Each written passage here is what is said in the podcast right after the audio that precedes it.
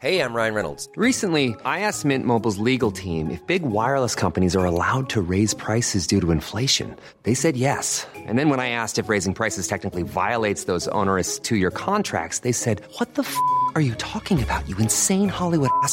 So to recap, we're cutting the price of Mint Unlimited from $30 a month to just $15 a month. Give it a try at mintmobile.com slash switch. $45 upfront for three months plus taxes and fees. Promo for new customers for limited time. Unlimited more than 40 gigabytes per month. Slows. Full terms at mintmobile.com.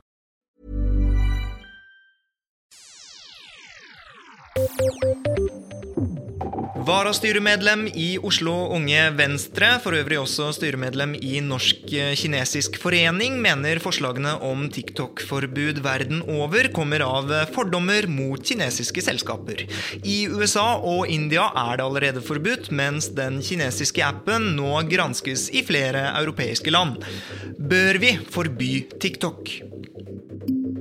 Etter at et medlem i Stopp islamiseringen av Norge, kanskje bedre kjent som Sian, kjendet Koranen foran Stortinget forrige helg, har debatten rast i sosiale medier.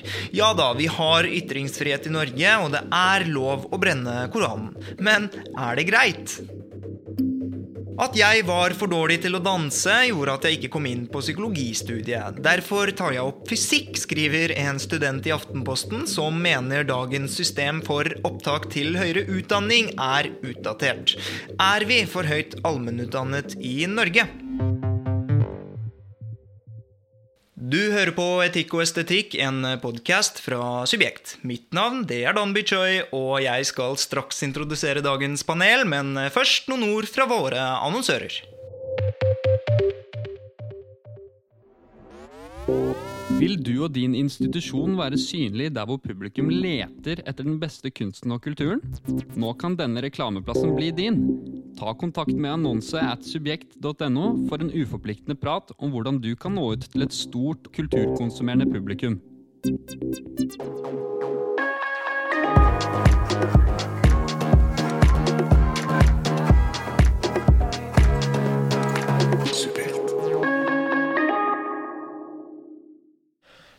Med meg i studio sitter Kristin Clemet, som er tidligere statsråd og politiker i partiet Høyre, for den som måtte lure.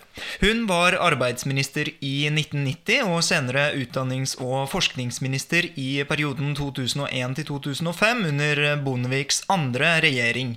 Siden 2006 har hun vært leder for den liberale tankesmien Civita og en svært synlig stemme i norsk offentlighet i en rekke debatter om norsk kultur og samfunnsliv liv. Clemet er utdannet siviløkonom fra Norsk handelshøyskole, ble av Europeisk Ungdom kåret til Årets europeer, og sist, men absolutt ikke minst, kommandør av St. Olavs orden. Det er altså en kongelig utmerkelse som tildeles som belønning for utmerkede fortjenester for Norge og menneskeheten. Ikke verst, Kristin Clemet. Velkommen til Etikk og estetikk. Takk skal du ha. Hva vil det egentlig si å være kommandør Nei, det, jeg må rett ut si at jeg er litt eh, flau over det der. Og det, jeg syns det er litt vanskelig å si det, for det, jeg, har jo respekt for kongen. Mm. Men eh, det var en sånn eh, utmerkelse som eh, man fikk bare fordi man hadde sittet i regjeringen et antall år. Og i ettertid så mener jeg at jeg burde takket nei til det. Jeg syns ikke det er eh, en fortjeneste som bør honoreres på den måten. Men eh, det er vanskelig også å takke nei. eh, Så jeg synes det er litt Men vi regner med at kongen hører ikke på denne podkasten. Men jeg syns rett og slett at det er litt, litt pinlig, hvis jeg skal være helt ærlig. Eller så er hun bare en beskjeden kommandør av eh, St. Olavs orden. Eh, Ved siden av Kristin Clemet sitter Magdi Omar Ytreeide Abdel Magid, Kanskje aller best kjent som bare Magdi. Som alle vet, er han det ene av de to medlemmene i rappduoen Karpe som gjennom sin karriere har brutt eh, kunstneriske barrierer, jevnlig utfordret gamle bransjestandarder og skrevet musikkhistorie. Magdis tekster er blitt toneangivende for den oppvoksende generasjonen og har, eh, og har vært gjenstand for både debatt og samhold. Fra og med i år er Ytreide Abdelmagid også medlem i regjeringens ytringsfrihetskommisjon, som skal gjennomgå ytringsfrihetens stilling og kår i Norge for første gang siden 1999. De skal også foreslå løsninger som kan bedre disse kårene. Det er en ære å ha deg på besøk, Magdi Ytreide Abdelmagid. Tusen takk. Åssen går det egentlig med den der ytringsfriheten? Eh, det går jo bra. I Norge så går det jo veldig bra med ytringsfriheten. Den står veldig sterkt eh, ennå, mener jeg, da. Um, men selvfølgelig, internasjonalt så er det mye å ta tak i. Nemlig. Vi skal nok innom temaet ytringsfrihet i løpet av episoden, men eh, først en liten tur over dammen. It can't be controlled for security reasons by China. Too big, too uh, invasive, and it can't be. Det bare kan ikke være Kina som eh, kontrollerer og eier det kinesiske selskapet og den verdensomspennende og ekstremt populære appen for øvrig, TikTok. Eh, og den amerikanske presidenten som du selvfølgelig hørte her, Donald Trump, foreslår altså at et amerikansk tech-selskap som Microsoft kjøper selskapet.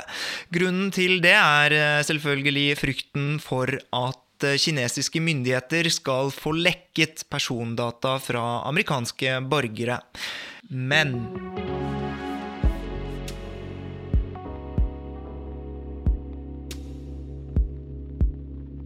Varastyremedlem i Oslo Unge Venstre, for øvrig også medlem i Norsk-kinesisk forening, mener forslagene om TikTok-forbud verden over kommer av fordommer mot kinesiske selskaper.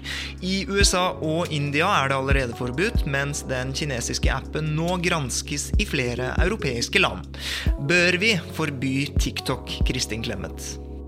Jeg sier nei, ehm, selv om jeg forstår en del av de diskusjonene som foregår når det gjelder kinesiske selskaper, særlig de som interesserer seg for teknologi. Og du, eh, Magdi? Eh, også Jeg mener også nei. Altså, å gå til forbud er ganske, ganske ekstremt, og da må vi være litt sånn prinsipielle. Um, vi skal få tid til å, tid til å utdype nå. Hvorfor sier du nei, eh, Sånn som, jeg er jo ikke noe ekspert på dette her, men sånn som eh, jeg tror alle innser at det kinesiske systemet er sånn at eh, når de er, går inn i, eller er inne i teknologiselskaper, kjøper seg opp i teknologiselskaper, så er det potensielle sikkerhetsutfordringer knyttet til det. Knyttet til personvern osv. Hvorfor Men, det? Er ikke det bare fordommer? Nei, jeg tror ikke det bare er fordommer. For vi må nok regne med at uh, altså det vi ser i Kina, er jo ikke en vanlig type kapitalisme. Altså det er en form for statskapitalisme hvor staten har utrolig mye å si. Og jeg tror ikke du kan regne med at det som fremstår som private selskaper, i bunn og grunn er private selskaper som gjør akkurat eh, slik private selskaper gjør i vår del av verden. Og Derfor så tror jeg det er sikkerhetsutfordringer og personvernutfordringer knyttet til en del av disse selskapene. På den annen side så kan man jo ikke legge det helt automatisk til grunn. Eh, og det må jo foreligge noe eh, dokumentasjon eller bevis, og så vidt jeg vet, så jeg har ikke sett at det foreligger, at det er noe endelig dokumentasjon eller bevis på at, dette, at det foregår et eller annet misbruk. Og så er det det at selv om man skal være skeptisk og øh, kikke med et skeptisk blikk på Kina, så behøver vi jo ikke å drive det så langt som vi nå ser i USA, hvor det utvikler seg et voldsomt sånn fiendskap mellom USA og Kina, og hvor president Bush, nei, Bush, Trump driver det utrolig langt da, i sin retorikk vis-à-vis -vis Kina. For man kan selvfølgelig også overdrive det fiendskapet og gjøre eh, vondt verre. Ja, eh, Magdi, du sier eh, også nei. Hvorfor eh, sier du det? Eh, jeg sier nei foreløpig, da, med den informasjonen jeg har fått. Og det er jo eh, min mening, på en måte. Eh, hvis man skal sammenligne med liksom annen big tech, så har det jo vært ganske mye store sikkerhetsutfordringer. Altså til og med liksom avlyttinger av Siri har jo vært oppe, og Apple ble vel felt på det også, hvis jeg husker riktig. Um, så jeg har liksom ikke sett dokumentasjonen. Det er bare veldig mye snakk om det. Eh, jeg er veldig glad i da dokumentasjonen. Nettopp. Jeg trodde du skulle si du var veldig glad i det innholdet på TikTok. Ja, det også, men, men jeg har ikke helt skjønt sånn Er det så sensitivt, det som er på TikTok? Eh, eller er det sånn en fra Forsvaret kan legge ut en dansevideo fra en øvelse på grensa til Russland, og det er interessant for kinesiske myndigheter, så er det jo han som la ut den videoen på TikTok, som kanskje Jo, men- Eller med hva slags sensitiv informasjon er det? Ja, Med mindre vi ikke helt har kontroll på hva slags uh, ting på telefonen TikTok tar opp. da, om den... Uh, Ja, om du tar mer, selvfølgelig. Mm. Ja. Og, og så var det jo også, viste det seg at eh, Tina Bru, Henrik Asheim og Erna Stol, uh, Solberg hadde TikTok på mobilen. Hvilke sikkerhetstrusler ser vi egentlig for oss her? Altså, eh, Personvernet er jo på en måte viktig nesten uavhengig om det er trusler der eller ikke. Altså Man må ha noe som er Den dagen vi ikke kan vite oss usett, eller vite oss uhørt, for å si det sånn, den dagen det ikke fins noe personlig eller privat rom, så slutter vi å være mennesker antagelig. Da må vi bli noe helt annet. Så det er jo viktig i seg selv. Men eh, jeg tror jo det at eh, alt fra det mer sånn som vi merker bare vi bruker Facebook og sånn, altså fra det liksom litt mer plagsomme at vi ser hvordan det blir rettet annonser direkte mot oss fordi vi legger igjen fotavtrykk. Altså har man kikket på en sofa, så bare velter det inn med sofaannonser. Så man føler man blir sett, til ren og skjær misbruk. For det kan jo være at mennesker som er Mitt inntrykk jeg bruker ikke TikTok, og det er vel mest eh, ganske unge mennesker som bruker TikTok. Men eh, allikevel så klart at de legger igjen mange fotavtrykk. De legger igjen personopplysninger, vil jeg anta, om hvem de er. Det kan de gjøre sikkert i større eller mindre grad. Eh, og det kan jo komme tider hvor det representerer et større problem for dem enn det gjør akkurat nå. Så, så det som forsiktighet er, eh, er jo eh, lurt i seg selv, men man kan vel si at eh, kanskje enda lurere vis-à-vis et regime som, som Kina, som sannsynligvis ikke tar eh, personvern så alvorlig som mange vestlige samfunn forsøker å gjøre. Ja, for de forsøker jo å gjøre det, i hvert fall. Men så anklages nå TikTok for å være et sosialt medium eh, Nei, en datainnsamlingstjeneste som er forkledd. Men er ikke egentlig alle sosiale medier det? Er det ikke et poeng i at, bare, at dette kanskje egentlig handler om en sånn politisk handelskrig? Jeg, jeg, altså jeg, jeg føler at den dagen har kommet, jeg. Hvor jeg blir sett eller hørt uansett hvor jeg er. Eller jeg forholder meg i hvert fall til verden nesten sånn. Når du er inne på ditt eget bad alene uten mobiltelefonen din Nei, det er liksom ett av få steder. Alene uten mobiltelefon inne på badet. Eh, eller eh, Altså, det er jo en grunn til at folk bryter seg inn i grotter for det feste. Eh, nei, men, men det er jo en helt annen tid. Altså, kids som vokser opp i dag, eh, de blir jo sett nesten hele tida, og dokumentert på en eller annen måte med et mobilkamera nesten hele tida. Og ikke minst eh, blir spora med hvor de er, nesten hele tida. Så det er jo på en måte en, Den tiden er jo liksom 93% her, da. Men det virker litt skumlere med et sånt uh, regime. Men du spurte er, er ikke dette denne krigen allerede i gang? Og, og den er jo på mange måter Husk på, eh, jeg var overbevist på 90-tallet at når man så den økonomiske liberaliseringen, så man kan også diskutere hva slags type liberalisering det er, men i hvert fall en form for eh, økonomisk liberalisering i Kina, så trodde jo jeg, i likhet med de aller fleste andre, at det ville lede til demokrati. Det var bare et spørsmål om tid. Uh, og det har jo ikke skjedd. Det har jo blitt verre. Og, uh, og, det som skjer nå, er jo det er en, jeg si noe? Det er jo en form for krig mellom USA og Kina når det gjelder hegemoni i verden. Økonomisk, militært, kulturelt. og Trump som fører en politikk hvor han trekker USA tilbake, og ikke lenger vil ha den rollen i verden som USA tradisjonelt har hatt, det åpner jo også opp for Kina.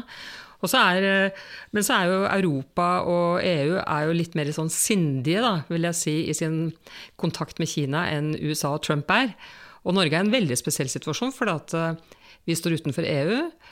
Og så har vi hatt Vi er et av de landene i verden som har tjent mest økonomisk på den kinesiske økonomiske veksten.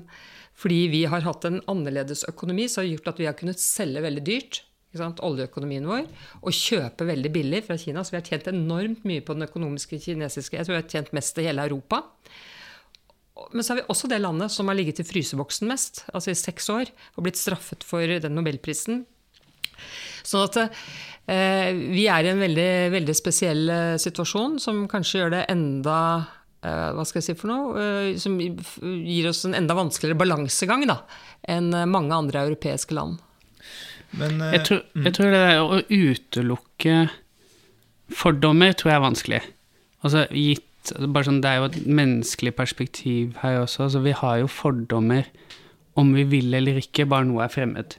Jo mer fremmed det er, jo mindre vi forstår av språket eller kulturen, jo, jo flere fordommer vil vi jo ha, og jo mer eh, mistenkeliggjørende blir vi som mennesker.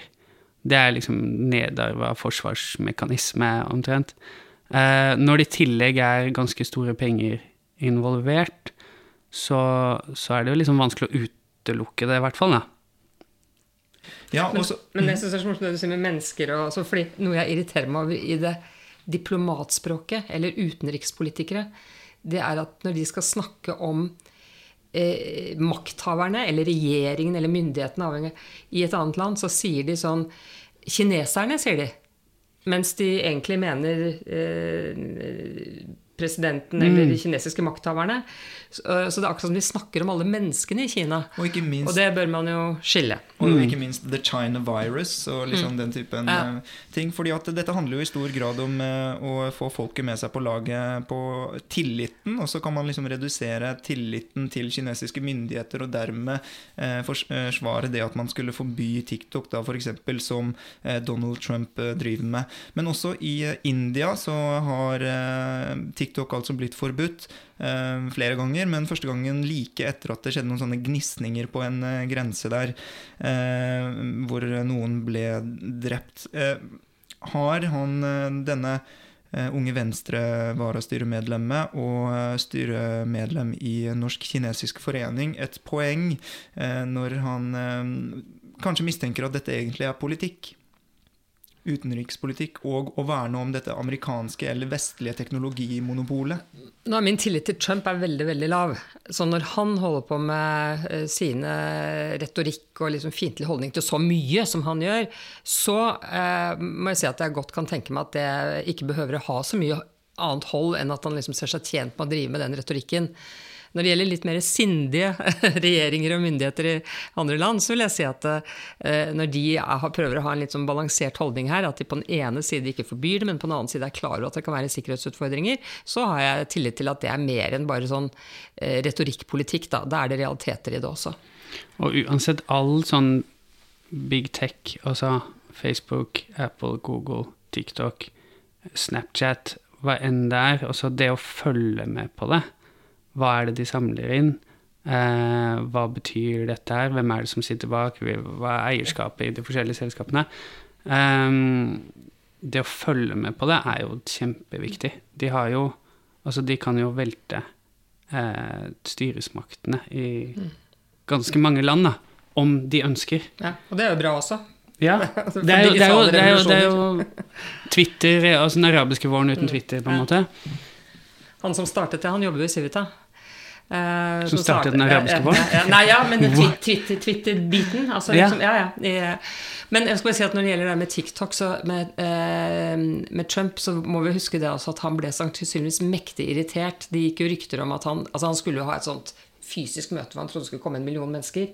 Og så kom det 6000 eller noe sånt. Og ryktet der var jo at, eh, at uh, Hvordan kunne de tro at det skulle komme en million? Jo, at det var unge mennesker som brukte TikTok til å, la, altså til å melde seg på, men ikke mente alvor med å komme. Det er jo demokratisk engasjement. Det var veldig kult, syns jeg, hvis det virkelig skjedde. Men, uh, men uh, det kan jo hende at det fyrte opp Trump kraftig da, i forhold til Ja. TikTok. ja. Eh, nettopp. Jeg uh, syns jo det er litt sånn interessant med denne unge venstre-styremedlem dette unge venstre-styremedlemmet. Unge Venstre er jo ofte liksom eh, i front på personvernsaker, og eh, samtidig så er man altså styremedlem i Norsk kinesisk forening, som er litt sånn skummelt når man skal begynne å ta Kina, eller forsvare Kina i eh, Kina og sånn. Men hvorfor har jeg disse fordommene?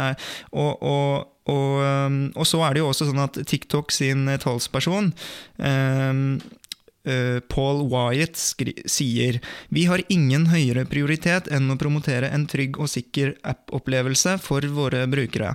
Vi har aldri gitt brukerdata til kinesiske myndigheter, og ville heller ikke gjort det om vi ble spurt, skriver Wyatt til NRK Beta. Eh, og det er jo riktignok noe han eh, sier, men eh, så er det også blitt foreslått at Microsoft kjøper, eh, kjøper TikTok i eh, andre land. Eh, og da mener man at man ikke får eh, denne interessekonflikten, da. Eller eh, kanskje en styrende Xi Jinping over seg som krever data. Ja, det er, vel det. Er det en løsning? Altså, dette er litt over min forstand, men sånn som jeg har forstått det, så er jo det som Trump ønsker, er at eh, TikTok skal bli kjøpt opp, f.eks. av Microsoft, og har gitt en eller annen sånn frist for jeg vet, Han kan vel antagelig ikke gi en frist, men det er jo snakk om at eh, innen 15.9., så vidt jeg har forstått, skal avklares om, om Microsoft kan kjøpe TikTok. Ja, og, og, og, i India så er det faktisk sånn at Instagram prøver å etablere en sånn eh, TikTok-kopi. Eh, og da, det er jo virkelig å ta, å ta liksom kinesiske markedsandeler med lov ikke sant? Eh, i India. Og liksom forby den kinesiske mm. versjonen, og så kopiere den og så gjøre den amerikansk. Altså, det er noe i meg som reagerer veldig men, kraftig på det her. Men hva er det de eh, Sorry, det kan hende det er jeg som ikke skjønner det, men hva er det de skal gjøre med den brukerdataen? Altså hva er, det, hva er det kinesiske myndigheter skal gjøre med norsk brukerdata, hvis vi tar Norge? Jeg tror det er det samme som Facebook eh, osv., bare at man har litt mindre tillit til Kina. Da, fordi de, de, har liksom generelt sett mindre respekt for demokrati og personvern. Ikke, det... Nei, altså De kan bruke det kommersielt, selvfølgelig, men de kan vel også bruke Vi ser jo det at eh, det er et misbruk på gang som også angriper demokratier. altså Hvis du så på Russland i forhold til det amerikanske valget, og det er jo noe å snakke om nå når det har vært et eh, datainnbrudd i Stortinget, så er det noen mm. som reiser spørsmål har dette noe med valget neste år å gjøre. Altså, og, og ingen kan vel svare være 100% sikker på det. Så eh, det er klart at det, at, eh, at det, kan eh, misbrukes, det er jeg ikke i tvil om. Men jeg tror vel også det er sånn med de som regimer som lider litt av forfølgelsesvanvidd, hvis jeg kan si det på den måten, autoritære regimer, de har vel også en tendens til å samle inn utrolig mye informasjon for sikkerhets skyld. Mm. Altså de vet kanskje ikke hva de skal bruke det til, men det er, annet, det er en forsikring. Det er noe de kan, kanskje kan bruke under gitte omstendigheter i en, i en eller annen fremtid. Mm. Eh, vi må gjerne spekulere litt mer i hva, hva, de uh, egentlig skal med all denne dataen. Det ene er, altså Facebook uh, er jo ganske åpne om at de ønsker. og Hvis du ser etter en bil, så vil de gjerne liksom, treffe deg med annonser som, som, gir deg relevante annonser. Men, men i et land som har liksom, lite respekt for personvern, så kan man jo se for seg at datainnsamling av folk Eh, kan begynne å eh, gjøre dette i skjul. da. Eh, og ikke bare i skjul og med markedsføring, men også kanskje liksom faktisk politisk begynne å Politisk påvirkning. Påvirke, ja. Mm. På Twitter så ble det jo sletta sånn 270 000 brukere bare i sommer av, av, fra Kina, som bare skulle drive med politisk påvirkning. Da. Og så kan man tenke seg at ting som er samlet inn med formål eller uten formål, kan komme på avveie. Det har man jo hørt helt andre sånne eksempler på mennesker som har lagt ut bilder av seg selv i litt ufordelaktige situasjoner. ikke sant? Og så dukker det opp når de skal søke jobb eller et eller annet. Eh, mm. Så det er jo knyttet eh, masse eventualiteter til det, men men vi har vel en tendens, da det er vel det det koker ned til, at vi stoler litt mer på et sånt liberalt demokrati som Norge, hvor institusjonene er sterke, og vi føler at vi har kontrollorganer, tilsynsorganer som passer på hemmelige tjenester osv. Så, videre, så stoler vi mer på det enn et regime hvor dette ikke er på plass. Var ikke den siste nyheten i den der stortingssaken nå eh, at det kanskje var et statlig organ som faktisk går et annet statlig organ i sømmene her nå? Jeg tror jeg fikk et push-varsel på det. Ja, ja. Jo da, men har, altså Jeg sier ikke at det fungerer perfekt hos oss, på noen måte, men vi har tross alt etablert kontrollorganer mm. for å gå liksom, hemmelige tjenester etter i sømmene. sånn at, at uh, Jeg tror nok Norge, akkurat som du sier at ytringsfriheten står sterkt i Norge, så står også jeg, demokrati og institusjonene foreløpig sterkt i Norge. Da. Men siden vi ser det forvitrer i mange land, så må man passe på veldig. Hadde det vært en norsk utvikla app, så hadde det jo vært uh veldig trygg. Om det var Facebook mm. eller Google eller eh, Mye tryggere. Men om jeg hadde vært så mye mer utrygg på TikTok enn Google på en måte. Jeg har null oversikt over mm. hva mm. de gjør. Det er et godt poeng. Nei, altså jeg, jeg, skal innrømme at når det gjelder meg selv, jeg har vært veldig veldig opptatt av personvern i hele min tid. Og så liksom går årene, og så har jeg kommet litt opp i årene. Og så har jeg bare sånn følelse av Nei, de vet alt om meg ja. likevel. Så jeg merker at jeg er blitt eh, Jeg liker ikke å si det, for jeg liker å appellere til å være forsiktig. Men jeg merker at jeg er blitt litt sånn mer uforsiktig fordi jeg tenker at det er for sent. Eh, jeg husker, det, Dette vet ikke dere noe om, men for mange mange, mange år siden så var det, var det en stortingsrepresentant for Høyre som het Petter Thomassen. Han er dessverre død. Det er derfor dere ikke vet at dette er langt tilbake. Men han var veldig veldig opptatt av personvern og skrev også en bok om det. Og jeg husker han nektet å slutte med sjekkhefte, for han ville ikke gi fra seg fødsels- eller personnummeret sitt. Mm. Så jeg husker jeg satt på Tostrup-kjelleren, som var jo den sikkert hørt om, at man satt der eh, pressefolk og journalister og sånn i gamle dager. Og han prøvde å skrive ut sjekker, og til slutt så ville de ikke ha det. Men, eh, men han prøvde å holde igjen, da. Men det var helt Til slutt er det umulig. Da får du ikke betalt, du får ikke kjørt, du får ikke handlet, du får ikke gjort noen ting. Så, så du gir opp litt, og til slutt har du gitt fra deg så mye. Så jeg, jeg, det er ikke så mange årene siden jeg reagerte hvis noen sa 'Kan jeg få fødselsnummeret ditt?' Men nå flyter det rundt overalt. Og kortbruk, det er kanskje en av de, de tingene som på en måte har forandra mest. Med en gang kontanten er ute, så overlever du ikke lenger uten å bli spora. Altså, da må du stacke opp, da. Eller Eh, bommene, alle bommene, som nå bare Ja, ja. er kameraer. Nå, kan, nå er du sporbar over. Det er derfor jeg har sånn fetisj for sånn hemmelig rom. Elsker hemmelige rom. Og når jeg oppdager et hemmelig rom Bare er... ikke er- grotter, da. Det er ikke grotter. ja, men eh, ja.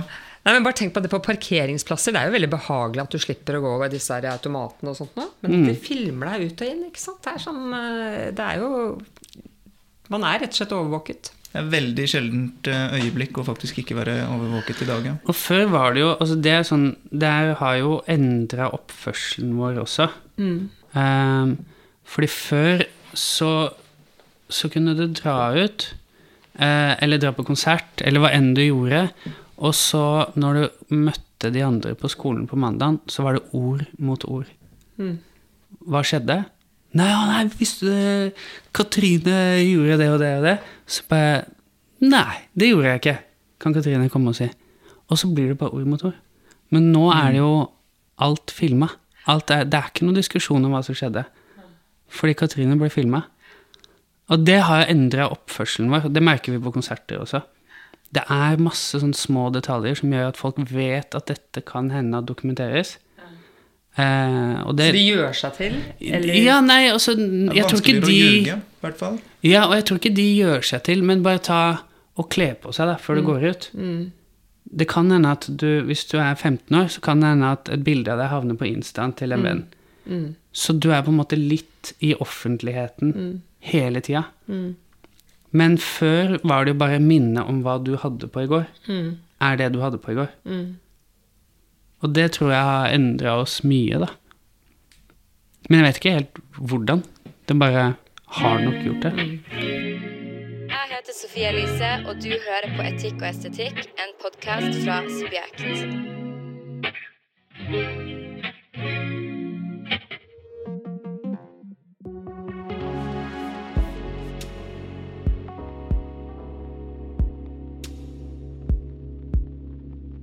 Etter at et medlem i Stopp islamiseringen av Norge, kanskje bedre kjent som Sian, kjen- skjendet Koranen foran Stortinget forrige helg, har debatten rast i sosiale medier. Ja, det er jo lov, men er det greit å skjende Koranen, altså Kristin Clemet? Ja. Eh, Magdi Itreide Abdelmagid. Hvorfor sier du ja til det? Det er jo utrolig provoserende. da. Nei, altså jeg vet ikke om vi er så veldig uenige. Jeg satt, eh, jeg hørte, Du fortalte oss om spørsmål på forhånd, og ordet greit er jo litt sånn eh, tvetydig. Altså betydningen er det lov? Ja. Ikke sant? Det er, det er lov. Og du, nå utdypet jo spørsmålet ditt litt. Grann.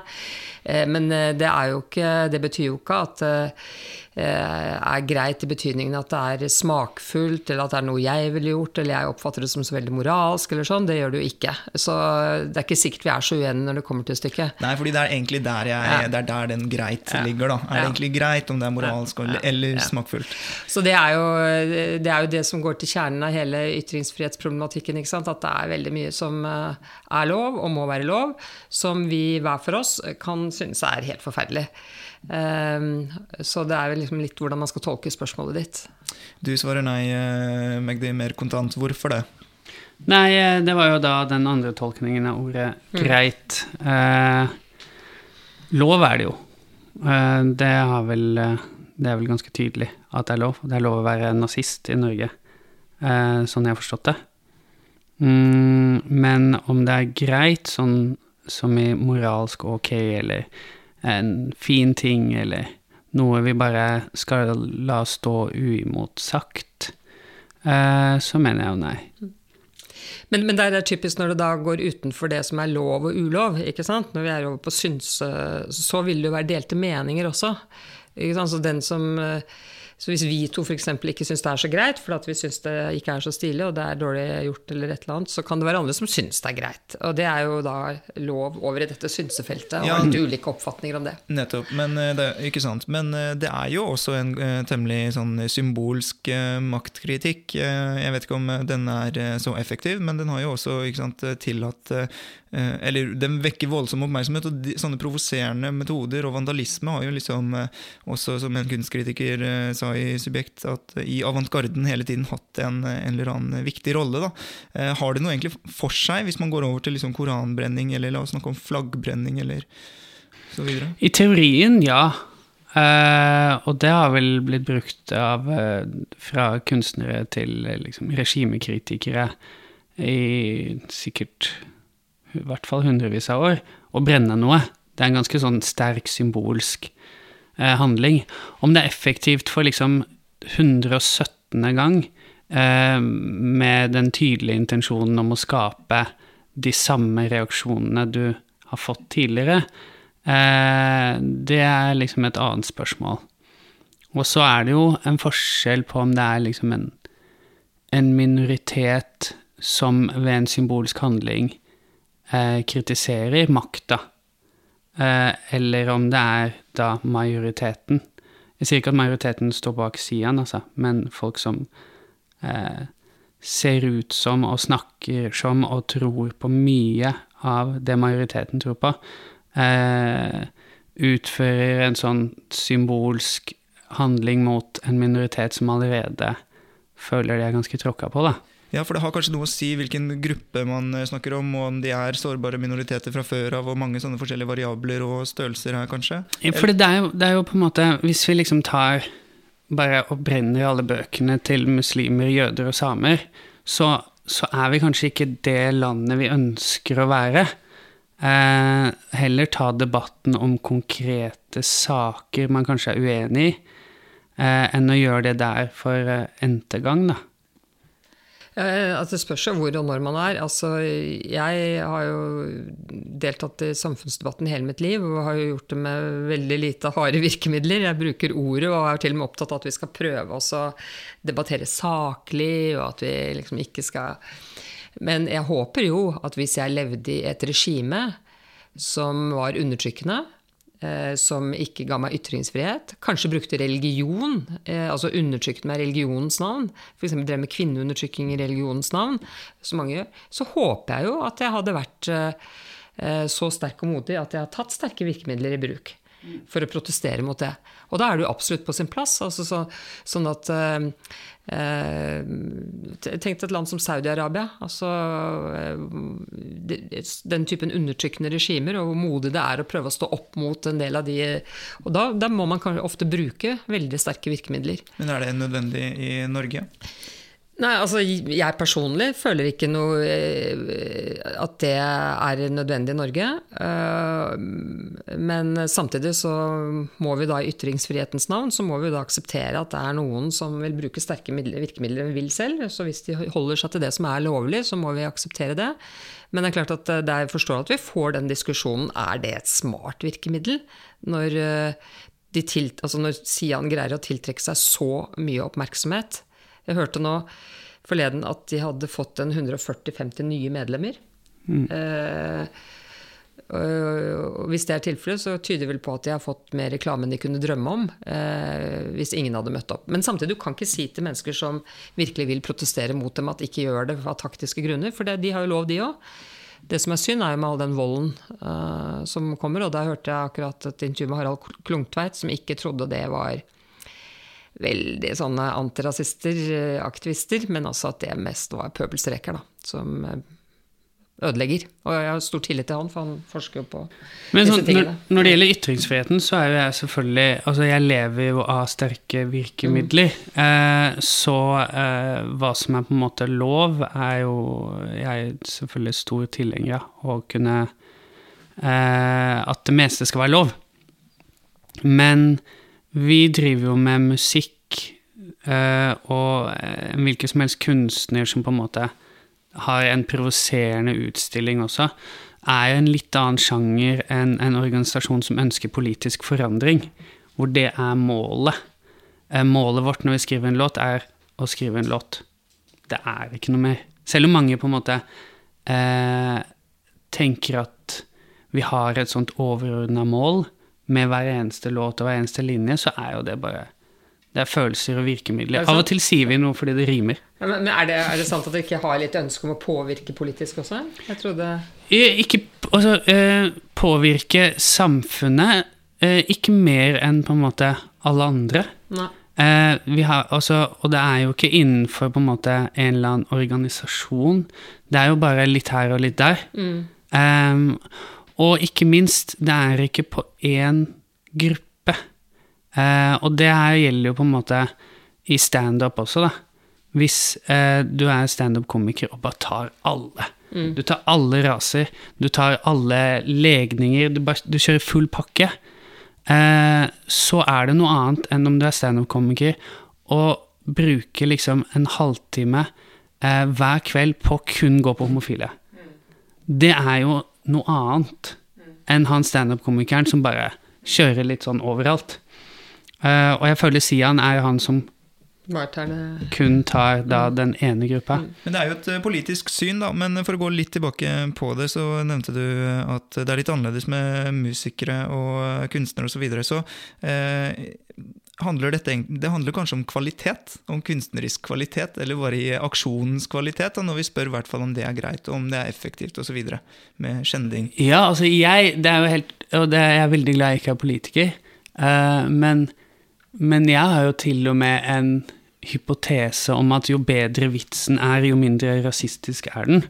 Um, altså Jo flere som ler, og jo flere selvfølgelig da innenfor uh, den du tar som ler, uh, jo, bedre, altså, jo mindre rasistisk er den faktisk. Men samtidig så er jo ytringsfriheten gjerne der for å verne liksom de få, da, meningsminoritetene og det liberale demokratiet. Liksom, at man ikke alltid har rett, selv om man er i majoritet.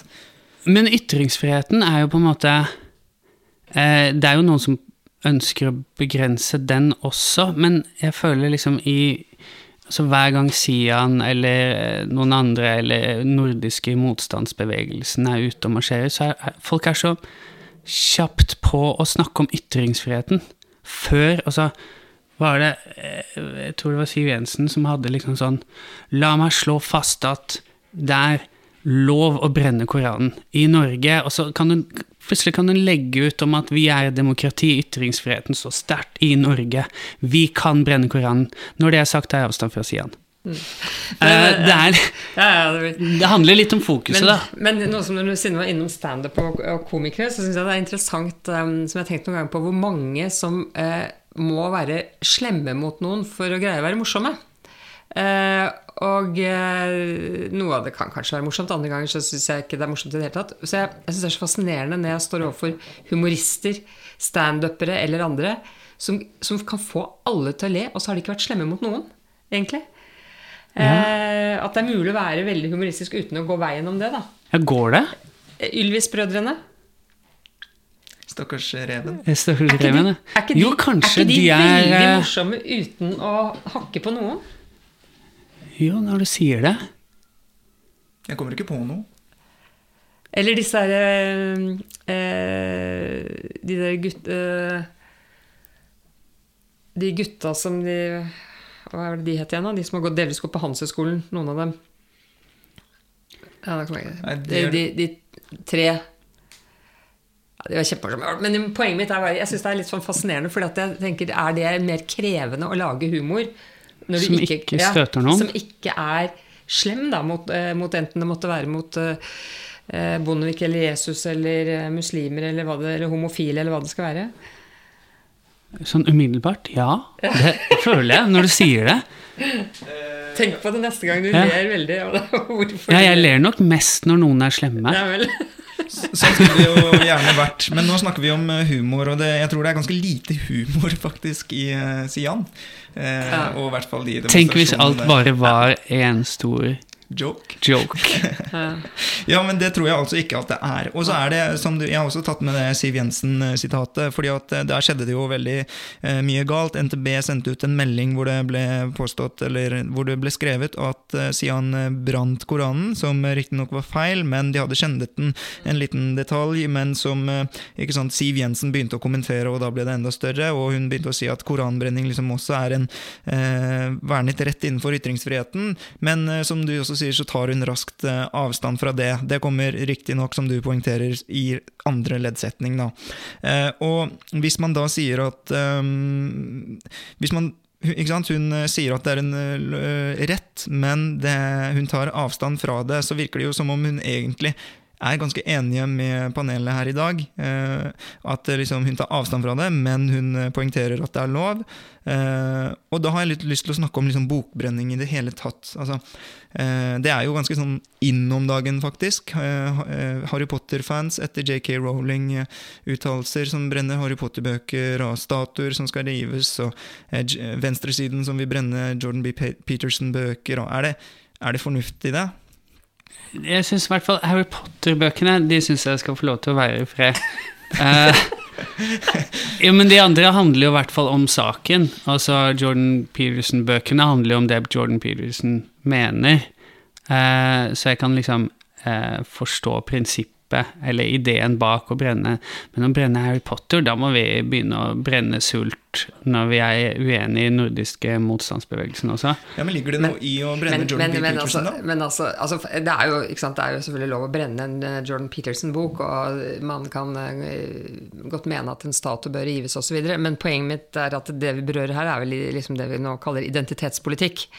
Og som det er eh, mye av, i, mye av i USA, og som forplanter seg inn i våre nordiske samfunn også. Eh, eh, vi kan jo ikke si at det der med altså grupper som har kjempet for sine rettigheter, at det alltid har vært feil. Vi, har snakket om homofile her, det kan være svarte det kan være, som har kjempet seg frem inn i, på, på inn i majoritetssamfunnet og de samme rettighetene. da.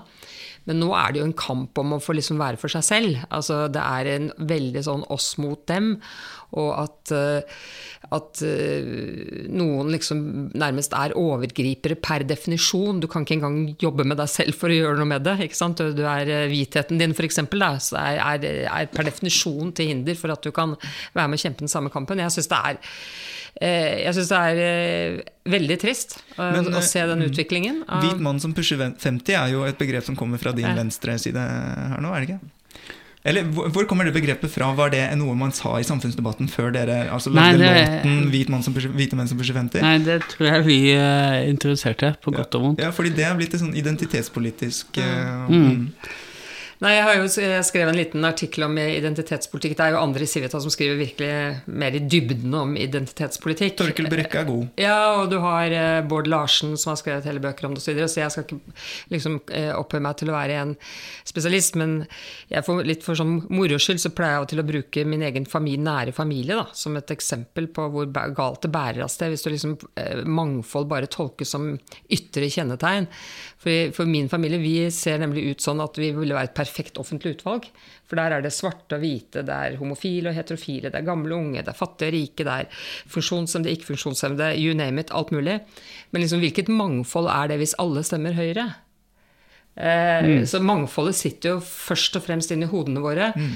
og dermed ser jeg ikke at dette med å være tilhører en gruppe er 100% irrelevant i alle sammenhenger. Det er ikke det jeg mener. Men det bærer så veldig veldig galt av sted hvis, eh, hvis eh, jeg Da skal vi bare sammen med gamle, gamle, gamle hvite damer, og så at dere har liksom et annet og At det skal være At det skal identifisere oss først og fremst. Eh, Ja, identitetspolitikk er jo et begrep som eh, etter hvert av eh, smarte intellektuelle høyrefolk har blitt ironisert mot eh, svakstilte grupper, grupper ofte også, føler mange. da.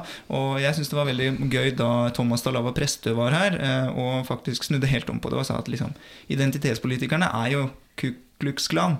Det er jo Sian. De er jo også, det, det kommer jo fra begge sider her. Mm. Absolutt. Det gjør det. Og det har, det har jo også, vil jeg si eh, Ordet populisme det kan man jo forstå litt sånn Ikke litt uskyldig, men altså man kan også forstå det som eh, litt mer alvorlig.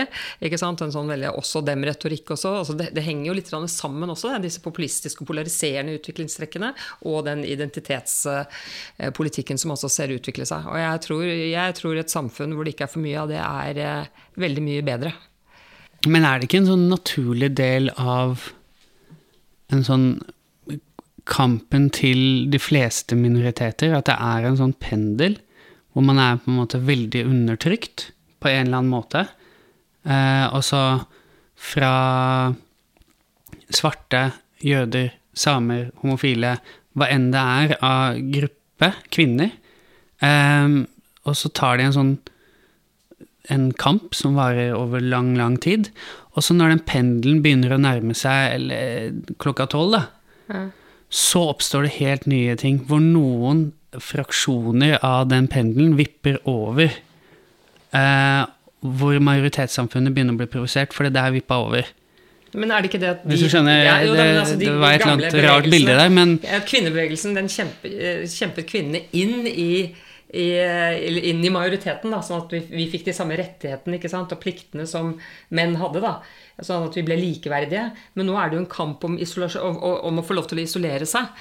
Ja, men, og ikke, ta... Hvor gruppene ikke skal omgås og gå inn i Det er en litt tenker, annen tenkning. Ja, men jeg tenker litt mer som Jeg tar eh, kvinnebevegelsen, da. At når alle er på en måte Alle mener det samme når du er veldig undertrykt. Mm.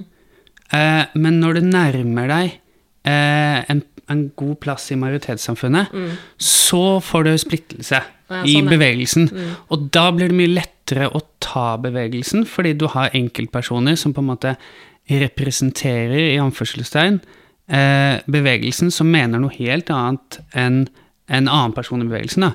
Feminisme, hva er det i 2020?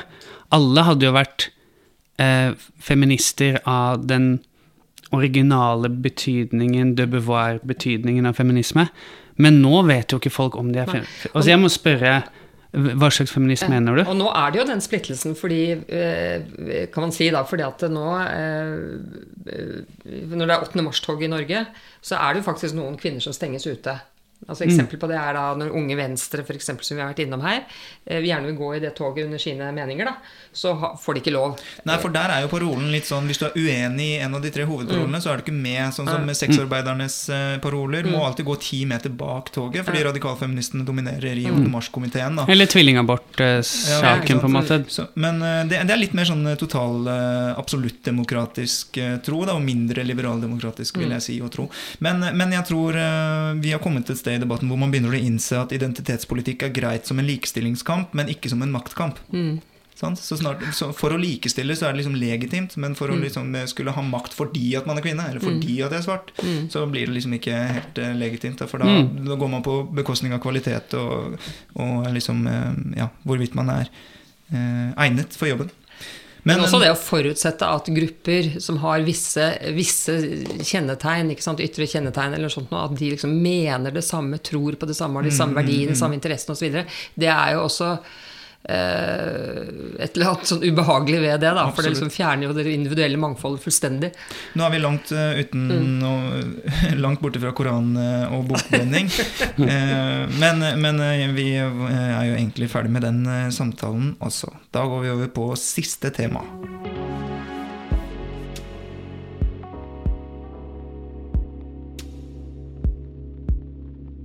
Er vi for høyt utdannet i Norge? Spørsmålet stiller seg stadig, litt som tesene om at rocken er død, at kulturjournalistikken forsvinner, og at, vi, og at vi har funnet den nye oljen.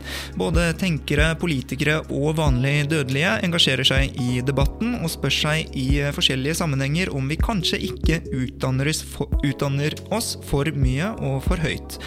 Eh, på Stortinget kritiseres politikere for ikke å speile samfunnet, der så å si alle har høyere utdanning, og nylig ville partiet Venstre ansette en ny sosiale medier-rådgiver, eh, en stilling de utlyste med krav om høyere utdanning.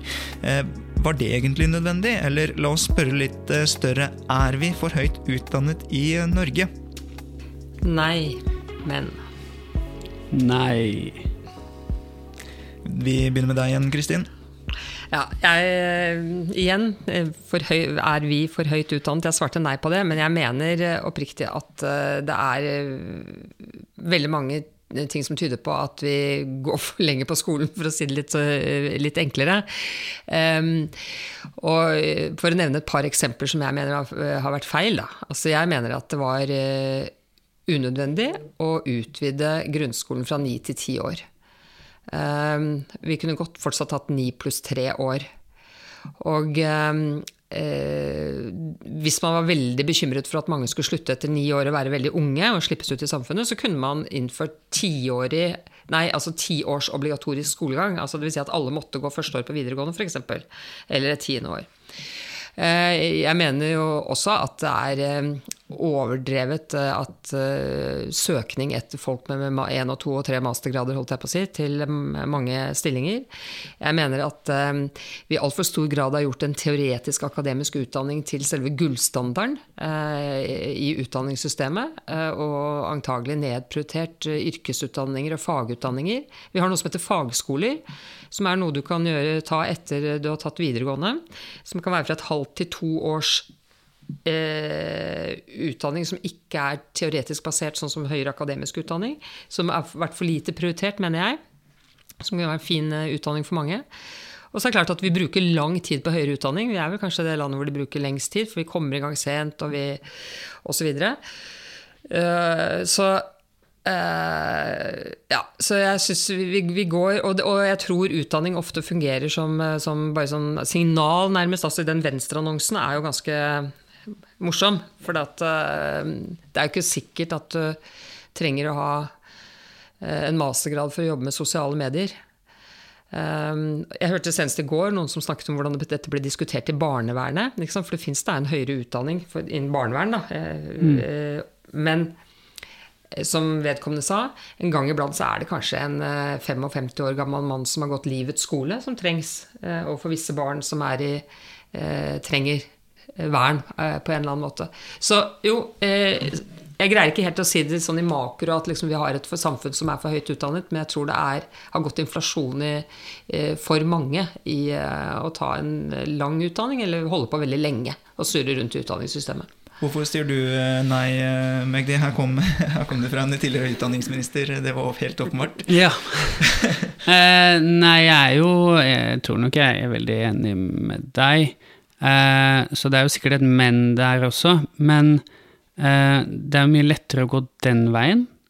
Å gå fra på en måte eh, ut av studiene inn i arbeidslivet, enn at man aktivt går for mindre utdanning eh, og så ser jeg at oi, kanskje folk må inn igjen eh, på universiteter, da. Um, er lettere å droppe eh, enn å begynne igjen, på en måte. Men, eh, men noen, altså spørsmålet var jo er vi for høyt utdanna? Noen er jo definitivt for høyt utdanna, og mange sitter nok med grader eh, som de aldri får bruk for i arbeidslivet. Ja, og det koster jo staten kjempemye penger. Mm, men det er på en måte direkte på Eh, produksjon. Eh, men så avhenger det jo på en måte av hva du studerer også. Selv om noe ikke kan måles i jobben din eller i penger, så kanskje du ble flinkere til å være en norsk borger. Eh, noe som er ganske relevant, og en av grunnene til at vi går på skole, er jo på en måte å fungere godt i demokratiet. Um, så sånn sett så er jo det sant, Å holde folk, flest mulig folk gjennom videregående har ikke bare med arbeidslivet å gjøre, men det handler om liksom demokratiet, da. Og folk, eh, disse stemmer jo, og folk som studerer humaniora, blir jo på en måte samfunnets eh, samvittighet på mange måter. Eh, men, men jeg husker jeg selv studert journalistikk, og så kom Mimir Kristiansson innom i forelesningen, og så sa han at vi, vi utdanner 30 000 grafiske designere i året. og så Det er jo litt sånn slemt om enn nesten mot én gruppe. Og så videre så sa han at dropp ut av skolen og bare jobb. Og litt av det han mente med det, er at vi i våre beste år, i våre sterkeste år, vi kan gå ut der og bygge og bære og sånn, så sitter vi på skolebenken. Er det, er det riktig bruk av ressurser? Nei, altså Man må jo bestemme seg for hvilket perspektiv man skal anrette på det når man skal besvare spørsmålet. ikke sant? Er det fra statens perspektiv, hvor dyrt det er for staten? Skal man se på det som samfunnet, eller skal man se det ut fra individenes uh, synsvinkel? Og det er klart at uh, Hvis vi nå bare skal legge til grunn hva staten bruker på dette, her, da, så er det veldig dyrt. Fordi mange Hvis du ser på uh, f.eks. en kvinne som tar en høy utdanning og bruker litt lang tid, og så starter hun å få barn, ikke sant? så får to-tre barn osv., så, videre, så kan det gå utrolig lang tid tid i din mest såkalte produktive alder, da, mm. hvor du lever på ulike former for statlige, statlige subsidier av en eller annen art. Uh, så jeg har f.eks. tatt til orde for at man burde legge bedre til rette for studenter som ønsket å få barn. Mm. Sånn at du får barn tidligere. Selvfølgelig må du ha en mann, men jeg mener hvis du har det, så kan, det, så kan, du, kan du, gjøre noe med økonomiske insentiver, sånn at, at flere kunne fått barn tidligere. Så det, det, spørs hvilket perspektiv du, du, ser det fra, men jeg tror at man undervurderer hvor mye læring det er i arbeidslivet. Eh, altså hvis arbeidsgivere, eh, og eh, selvfølgelig de det gjelder, da, eh, flere kunne begynne å jobbe etter en bachelorgrad f.eks., ikke nødvendigvis ha en mastergrad, og få mer læring i arbeidslivet. Mine bratteste læringsperioder har absolutt vært i arbeidslivet. Har du utdanning, Magdi? Eh, jeg har en bachelor i filosofi, um, som er en av de få uh, utdanningene du aldri kan bruke i arbeidslivet. Jo, det er tenketanker. ja, det er sant. Ikke minst i Karpes uh, tekster. Og, altså, ja, ja. Det, er, det, er jo en veldig morsom historie med, med en, en, rektor som var ved Universitetet i Oslo som het Underdal for noen år siden. Han hadde fått da en søknad som hvor det sa 'Jeg er filosof, jeg kan alt av betydning'. men uh, uh, Jeg husker jo ingenting, men jeg lærte meg å, å studere. Det var vel egentlig det jeg satt igjen med. Men eh, sånn i Karpe-universet, og av folk vi eh, jobber med innenfor ganske mange eh, aspekter av Karpe, så er jo veldig få utdanna innen det. Alle har jo gått eh, livets skole og sett det i praksis, da. Så jeg er jo veldig eh, forkjemper for praksis, eh, uten tvil. Ehm, men jeg er helt enig med tilrettelegging for Fordi biologiske klokka vår og samfunnsklokka vår er jo totalt ulike. Um, så tilrettelegge for at uh, At man på en måte Variasjon, da. At noen kan gå rett ut i arbeidslivet fra videregående, eller i stedet for videregående, for den saks skyld. Eh, noen kan eh, gå rett på eh, bachelor, master, doktorgrad. Og noen kan gå ut i mammaperm når de er 20, og så er det et system som på en måte tar det inn igjen. Eh, Istedenfor at det er sånn nei, da blåer du alt. Eh, fordi hvis du nå skal eh, begynne, så, så, blir det for seint for deg, liksom. Så det å ha variasjon tror jeg er sunt. Eller så tror jeg filosofi, selv om du sa at det kan ikke brukes til noe. Det, jeg mener at det er et veldig nyttig, hvis jeg kan bruke det uttrykket, nyttig fag. Fordi det er eh, Jeg merker at filosofer lærer seg å stille nysgjerrige spørsmål. Og er det noe vi gjør altfor lite av, eh, syns jeg, det er å stille nysgjerrige spørsmål. Prøve å se saker fra ulike kanter osv. Så da jeg var utdanningsminister, som du nevnte, så tok jeg opp spørsmålet om vi kunne få filosofi fra første klasse i grunnskolen. Uh, og det er det noen som uh, gjør og tester ut, men, uh, men jeg fikk sterke da, faglige råd om at det var for tidlig å gjøre det obligatorisk. Da, at da er man for, man er for små. Jeg tror, men jeg tror også at samfunnsdebatten er ganske ødelagt i forhold til, no, i forhold til en utopi. Da, i forhold til det det kunne vært hvis alle hadde hatt X-Fill, f.eks. Mm. Hvor man lærte seg liksom å diskutere og, og se liksom saken fra forskjellige synspunkter, eh, som du sier, og at man liksom er enige om premissene. Da. At man ikke begynner å relativisere alle debatter og liksom, uh, sånne ting. Men, altså, jeg merker det i Civita, for vi har hatt en del filosofer. Jeg syns de er veldig de er rett og slett flinke til å diskutere. Og mm. til å, å, å, rydde, ja. å, rydde en debatt mm. og, og, se en sak fra en annen kant og osv. Og, og det jeg likte i filosofien, da, var jo på en måte eh, Og det tror jeg er sunt for alle. Eh, fordi jeg gikk eh, ikke sant, Jeg starta jo på Blindern som en skråsikker 19-åring. Mm. Og gikk ut som en sånn usikker et eller annet. men, men det å på en måte ikke være så skråsikker jeg mener foreløpig at Uh, Og det er derfor jeg syns det er så gøy med de ja-nei-spørsmålene. For da får jeg prøve bare, ok, hvordan låter det å være skråsikker. For jeg er jo det på veldig lite. Og det er er det jo veldig lite av. Sånn i debatter så er folk så sikre på alt. Det er jo ingen som snur. Og så har du noen gang sett noen som snur? Tenk det! Se på debatten og så bare Ja, det var godt poeng det du sa. Kanskje jeg har snudd? Nei, det Nei, vet, jeg tror Det er mange politikere som jeg tror er veldig redd for å vise frem sånn usikkerhet. At jeg sier 'jeg vet ikke'. Jeg mm. det, men jeg tror ikke folk reagerer så veldig på det, for at de vet jo ikke selv. Altså, det er jo veldig vanskelig. Veldig mange spørsmål å ta stilling til. Ok, Så um, det er altså en eh, tenker her som uh, riktignok um, Mathilde Fasting i din egne Civita uh, har skrevet et, eh, en kommentar om i VG. Hun skriver at det Kaplan uh, argumenterer for i sin bok eh, The Case Against Education Why the Education System is a Waste of Time and Money, så skriver hun Hvordan er det mulig å være mot utdanning? Ved første øyekast ble jeg først eh, provosert. Kaplan vil eh, kun ha utdanning som er nyttig, og med det mener han utdanninger som gir kunnskap og ferdigheter som kan brukes i arbeidslivet, hvorav det viktigste er å lese, skrive og eh, regne.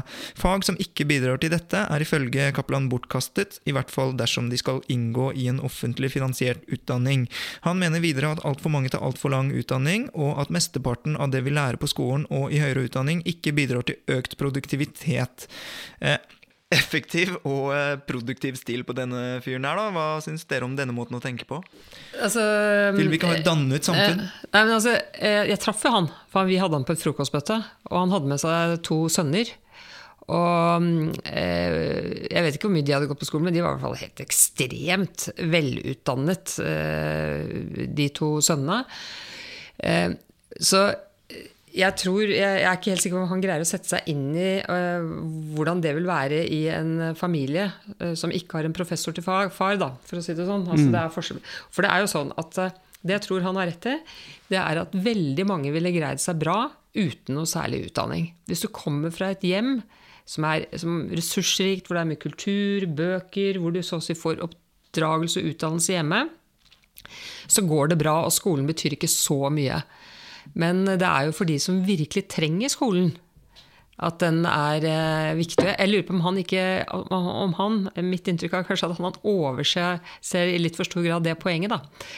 Jeg mener f.eks. at når det kommer eh, for mange eh, innvandrere Nå snakker jeg om enten barn av innvandrere eller at barna selv er innvandrere til Norge, eh, som kanskje kommer fra land som ligner veldig lite på Norge osv., hvor det kan være språkproblemer, hvor kanskje foreldrene ikke har noe særlig utdanning, de kan være analfabeter for den sakens skyld, ha traumatiske opplevelser en med det andre, så er jo skolen ekstremt viktig for å få en sjanse. Og for å, for å oppleve sosial mobilitet da, på ulike måter. Så jeg tror han ja, Jeg leste ikke boken, men jeg fikk litt inntrykk av at han kanskje hadde litt for mye blikk på seg selv eller ressursrike familier. Det ville jo bidra til et mye mer eh, likestilt samfunn. Hvis ressurssterke familier gikk for lavere utdanning, da begynner vi å jevne oss ut. Ja, ja, det er det, det glemmer man at Når man snakker om sosial mobilitet, så tenker, tenker, tenker man alltid på at en som er født av en rørlegger, skal bli liksom øh, øh, jurist eller noe sånt noe. Men hvis, hvis du skal ha høy sosial mobilitet, skal det også være omvendt. At den som er født av en jurist, skal bli rørlegger. Eh, det er først da du har høy sosial mobilitet, når det går begge veier. Men, men det med yrkesfag, å gjøre yrkesfag mer attraktivt ehm, Eller å ha høyere status på yrkesfag, det er jo fremdeles, føler jeg, liksom en utfordring. Eh, og det gjelder jo spesielt Jeg har jo innvandrerforeldre og sånn, så, så det å, å på en måte forklare dem at det er ikke enten-eller. Enten så går det bra med deg, eller så tar du yrkesfag. Yrkesfag er veien til så mye godt, da. Eh, og for noen så er det mye bedre enn en akademisk, eh, ikke praktisk vei. Politikerne har jo, ønsket, har jo ønsket veldig å snakke det opp, men jeg tror litt av grunnen til at man ikke har lyktes så godt med det, er at eh, politikerne selv i veldig stor utstrekning har en akademisk bakgrunn, og tar som en selvfølge at barna deres også går en akademisk vei. Så de er ikke, tror jeg, i gjennomsnitt da, så fortrolige med yrkesfag som eh, de er med akademiske fag. En annen eh, måte man kan se på dette, har også en veldig, sånn, eh, veldig aktuell knagg. Eh, Det er en Hedda Aker, som er ja, VGS-elev, eller som tar opp VGS igjen nå. Hun skriver i Aftenposten at jeg var for dårlig til å danse, gjorde at jeg ikke kom inn på psykologistudiet. Derfor tar jeg opp fysikk. Det er altså overskriften på en av de mest delte sakene i Aftenposten forrige uke. eh, med forbehold her. Eh, Hedda Aker mener at dagens opptakssystem for høyere utdanning er utdatert. Er vi all, har vi for mye allmennkunnskaper? Altså, Trenger vi liksom å være gode til å danse for å komme inn på psykologistudiet? Er opptakssystemet utdatert?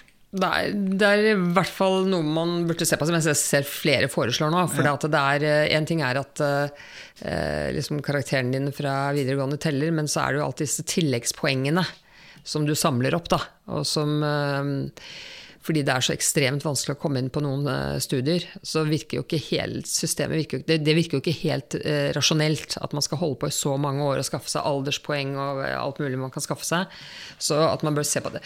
Helt ideelt så kunne man jo tenke seg at det var mer sånn individuelle altså at intervjuer eh, mer sånn individuelle Kvalitative. Opp, kvalita, opptaksprøver. Men det er veldig dyrt, da. Det er vanskelig å få til. Men, eh, men det hadde kanskje vært eh, ekstra bra. Å kartlegge motivasjon. Men, men hvis man skal bli eh, matematiker, og noen av de beste er jo dyslektikere i tillegg, eller eh, hvis man skal skrive, må man være god i matte. Og sånn, sånn er det jo dessverre da, med disse studiene man, med, og dette opptakssystemet. Man må liksom generelt ha veldig bra eh, snitt. Vil det hindre folk i å kanskje faktisk Vil det hindre Norge i liksom å hente de beste talentene? Sannsynligvis så vil det jo hindre noe, men om det er Eller hvor lenge har det vært det opptakssystemet vi har nå?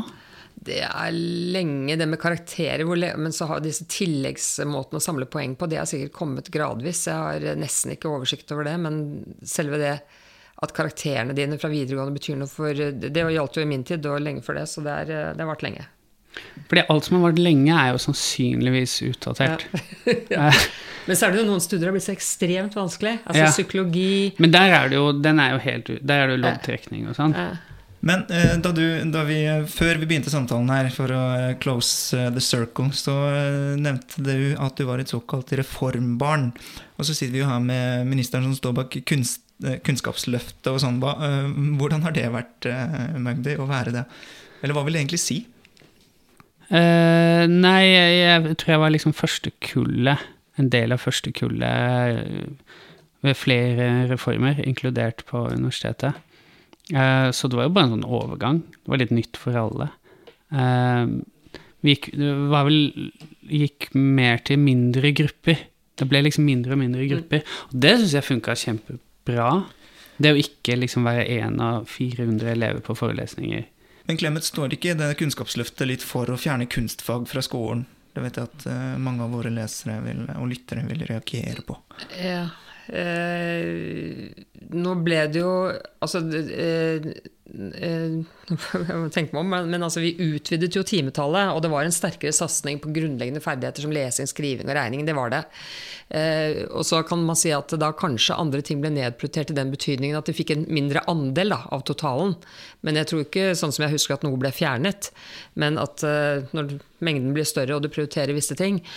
Men det er jo i sammenheng med at jeg tror enten du skal drive med kunstfag eller um, filosofi eller hva du skal gjøre, så eh, er de grunnleggende ferdighetene ganske viktige. Eh, og mange oppfatter det som sånn nyttetenkning, men etter min mening så så har det også med, ikke bare med, li, med utdanning å gjøre, arbeidsliv, men med selve livet. Altså, du kan ikke ha glede av en god bok, film, musikk, eh, naboen som kommer fra et annet land. Altså, alt det der, der faller i grus hvis ikke du har de der grunnleggende tingene på plass. Da. Så jeg står veldig for den satsingen, det må jeg bare si. Det er bra. Nå ble det litt sånn Dagsnytt anno 1918. Eh, Dagsnytt 1800-tallet. farlige, bare sånn, eh, apropos det opptakskravene, det farlige er jo at alternativet ville jo vært subjektivt, da. Da handler det jo om skjønn, Ja. på en eller annen måte. Og det er jo sånn, som en mann med minoritetsbakgrunn, så er jeg alltid redd for skjønn. Eh, Men det er et Da veldig er liksom konkrete karakterer er mye bedre Ja. Det er kjempe, der, det er et kjempegodt poeng, fordi eh, det systemet vi har i Norge, har nemlig veldig høy tillit Mm. blant de eh, som søker. og det er jo veldig dumt hvis man eh, legitimiteten og tilliten blir mindre. Fordi man får en følelse av at det er litt mer eh, trynefaktor. Men det man kan si man kunne oppnådd ved å sitte litt ansikt til ansikt, er jo at hvis du skal begynne å bli politi eller lærer eller sykepleier, så krever jo det også noen, eh, vil jeg, noen personlige egenskaper. Da. Eh, At du sånn eksempel skal du bli lærer og sykepleier, så kan du ikke hate mennesker, liksom. Eh, må ha en eller annen evne til Og at du kanskje kan finne mer ut av det. Jeg har en, har en sønn. Han endte opp som sivilingeniør. Men før han begynte å studere, så var han i tvil. Og da husker jeg at jeg spanderte noen kroner på at han gikk til en sånn eh, privat rådgiver. Jeg tror han hadde vært rektor eller lærer. Altså han startet for seg selv. Og hun var veldig flink å snakke med for å finne ut hvor ligger motivasjonen din egentlig. Og så ble han enda sikrere på at det var riktig, og det ble riktig. Og det har jeg tenkt på etterpå at det syns jeg det var verdt. Sånn at du ikke, for det er ganske vanskelig når du er 19 år å vite hva du passer, passer til. Jeg skjønte det ikke. Um, så det å ha en samtalepartner da, det kan være ganske fornuftig. Som er litt proff, da. Og med det har jeg lyst til å takke for besøket, Kristin Clemet og Magdi Ytreide Abdelmogid. Tusen takk. Tusen takk. Du hører på Etikk og Du hørte akkurat eh, produsent eh, Adrian Eriksen, som har laget eh, mange av våre fantastiske jingles, og i et lite samarbeid med selveste Lil Pump, som sier 'Eskerit'. I neste episode av Etikk og Eskerit møter vi selveste varaordfører i Oslo kommune. Det er ingen ringere enn Kamzy Gunaratnam. Og med henne møter vi også leder og sjefredaktør i Minerva, som kombinerer tidsskrift, eh, avis og tenketank. Eh, Nils August Andresen. Så det er det bare å få med seg, og det får du med deg ved å følge og abonnere og like og dele og stjernerangere og det som er av etikk og estetikk på de plattformene der hvor etikk og estetikk distribueres. Det er der hvor du hører på etikk og estetikk nå. Det er f.eks. på Spotify, Soundcloud, Google Podcaster, Apple Podcaster og så videre. Husk også å lese Subjekt, abonnere på Subjekt pluss og følge oss på Facebook, så går du i hvert fall ikke glipp. Vi poddes. Subjekt.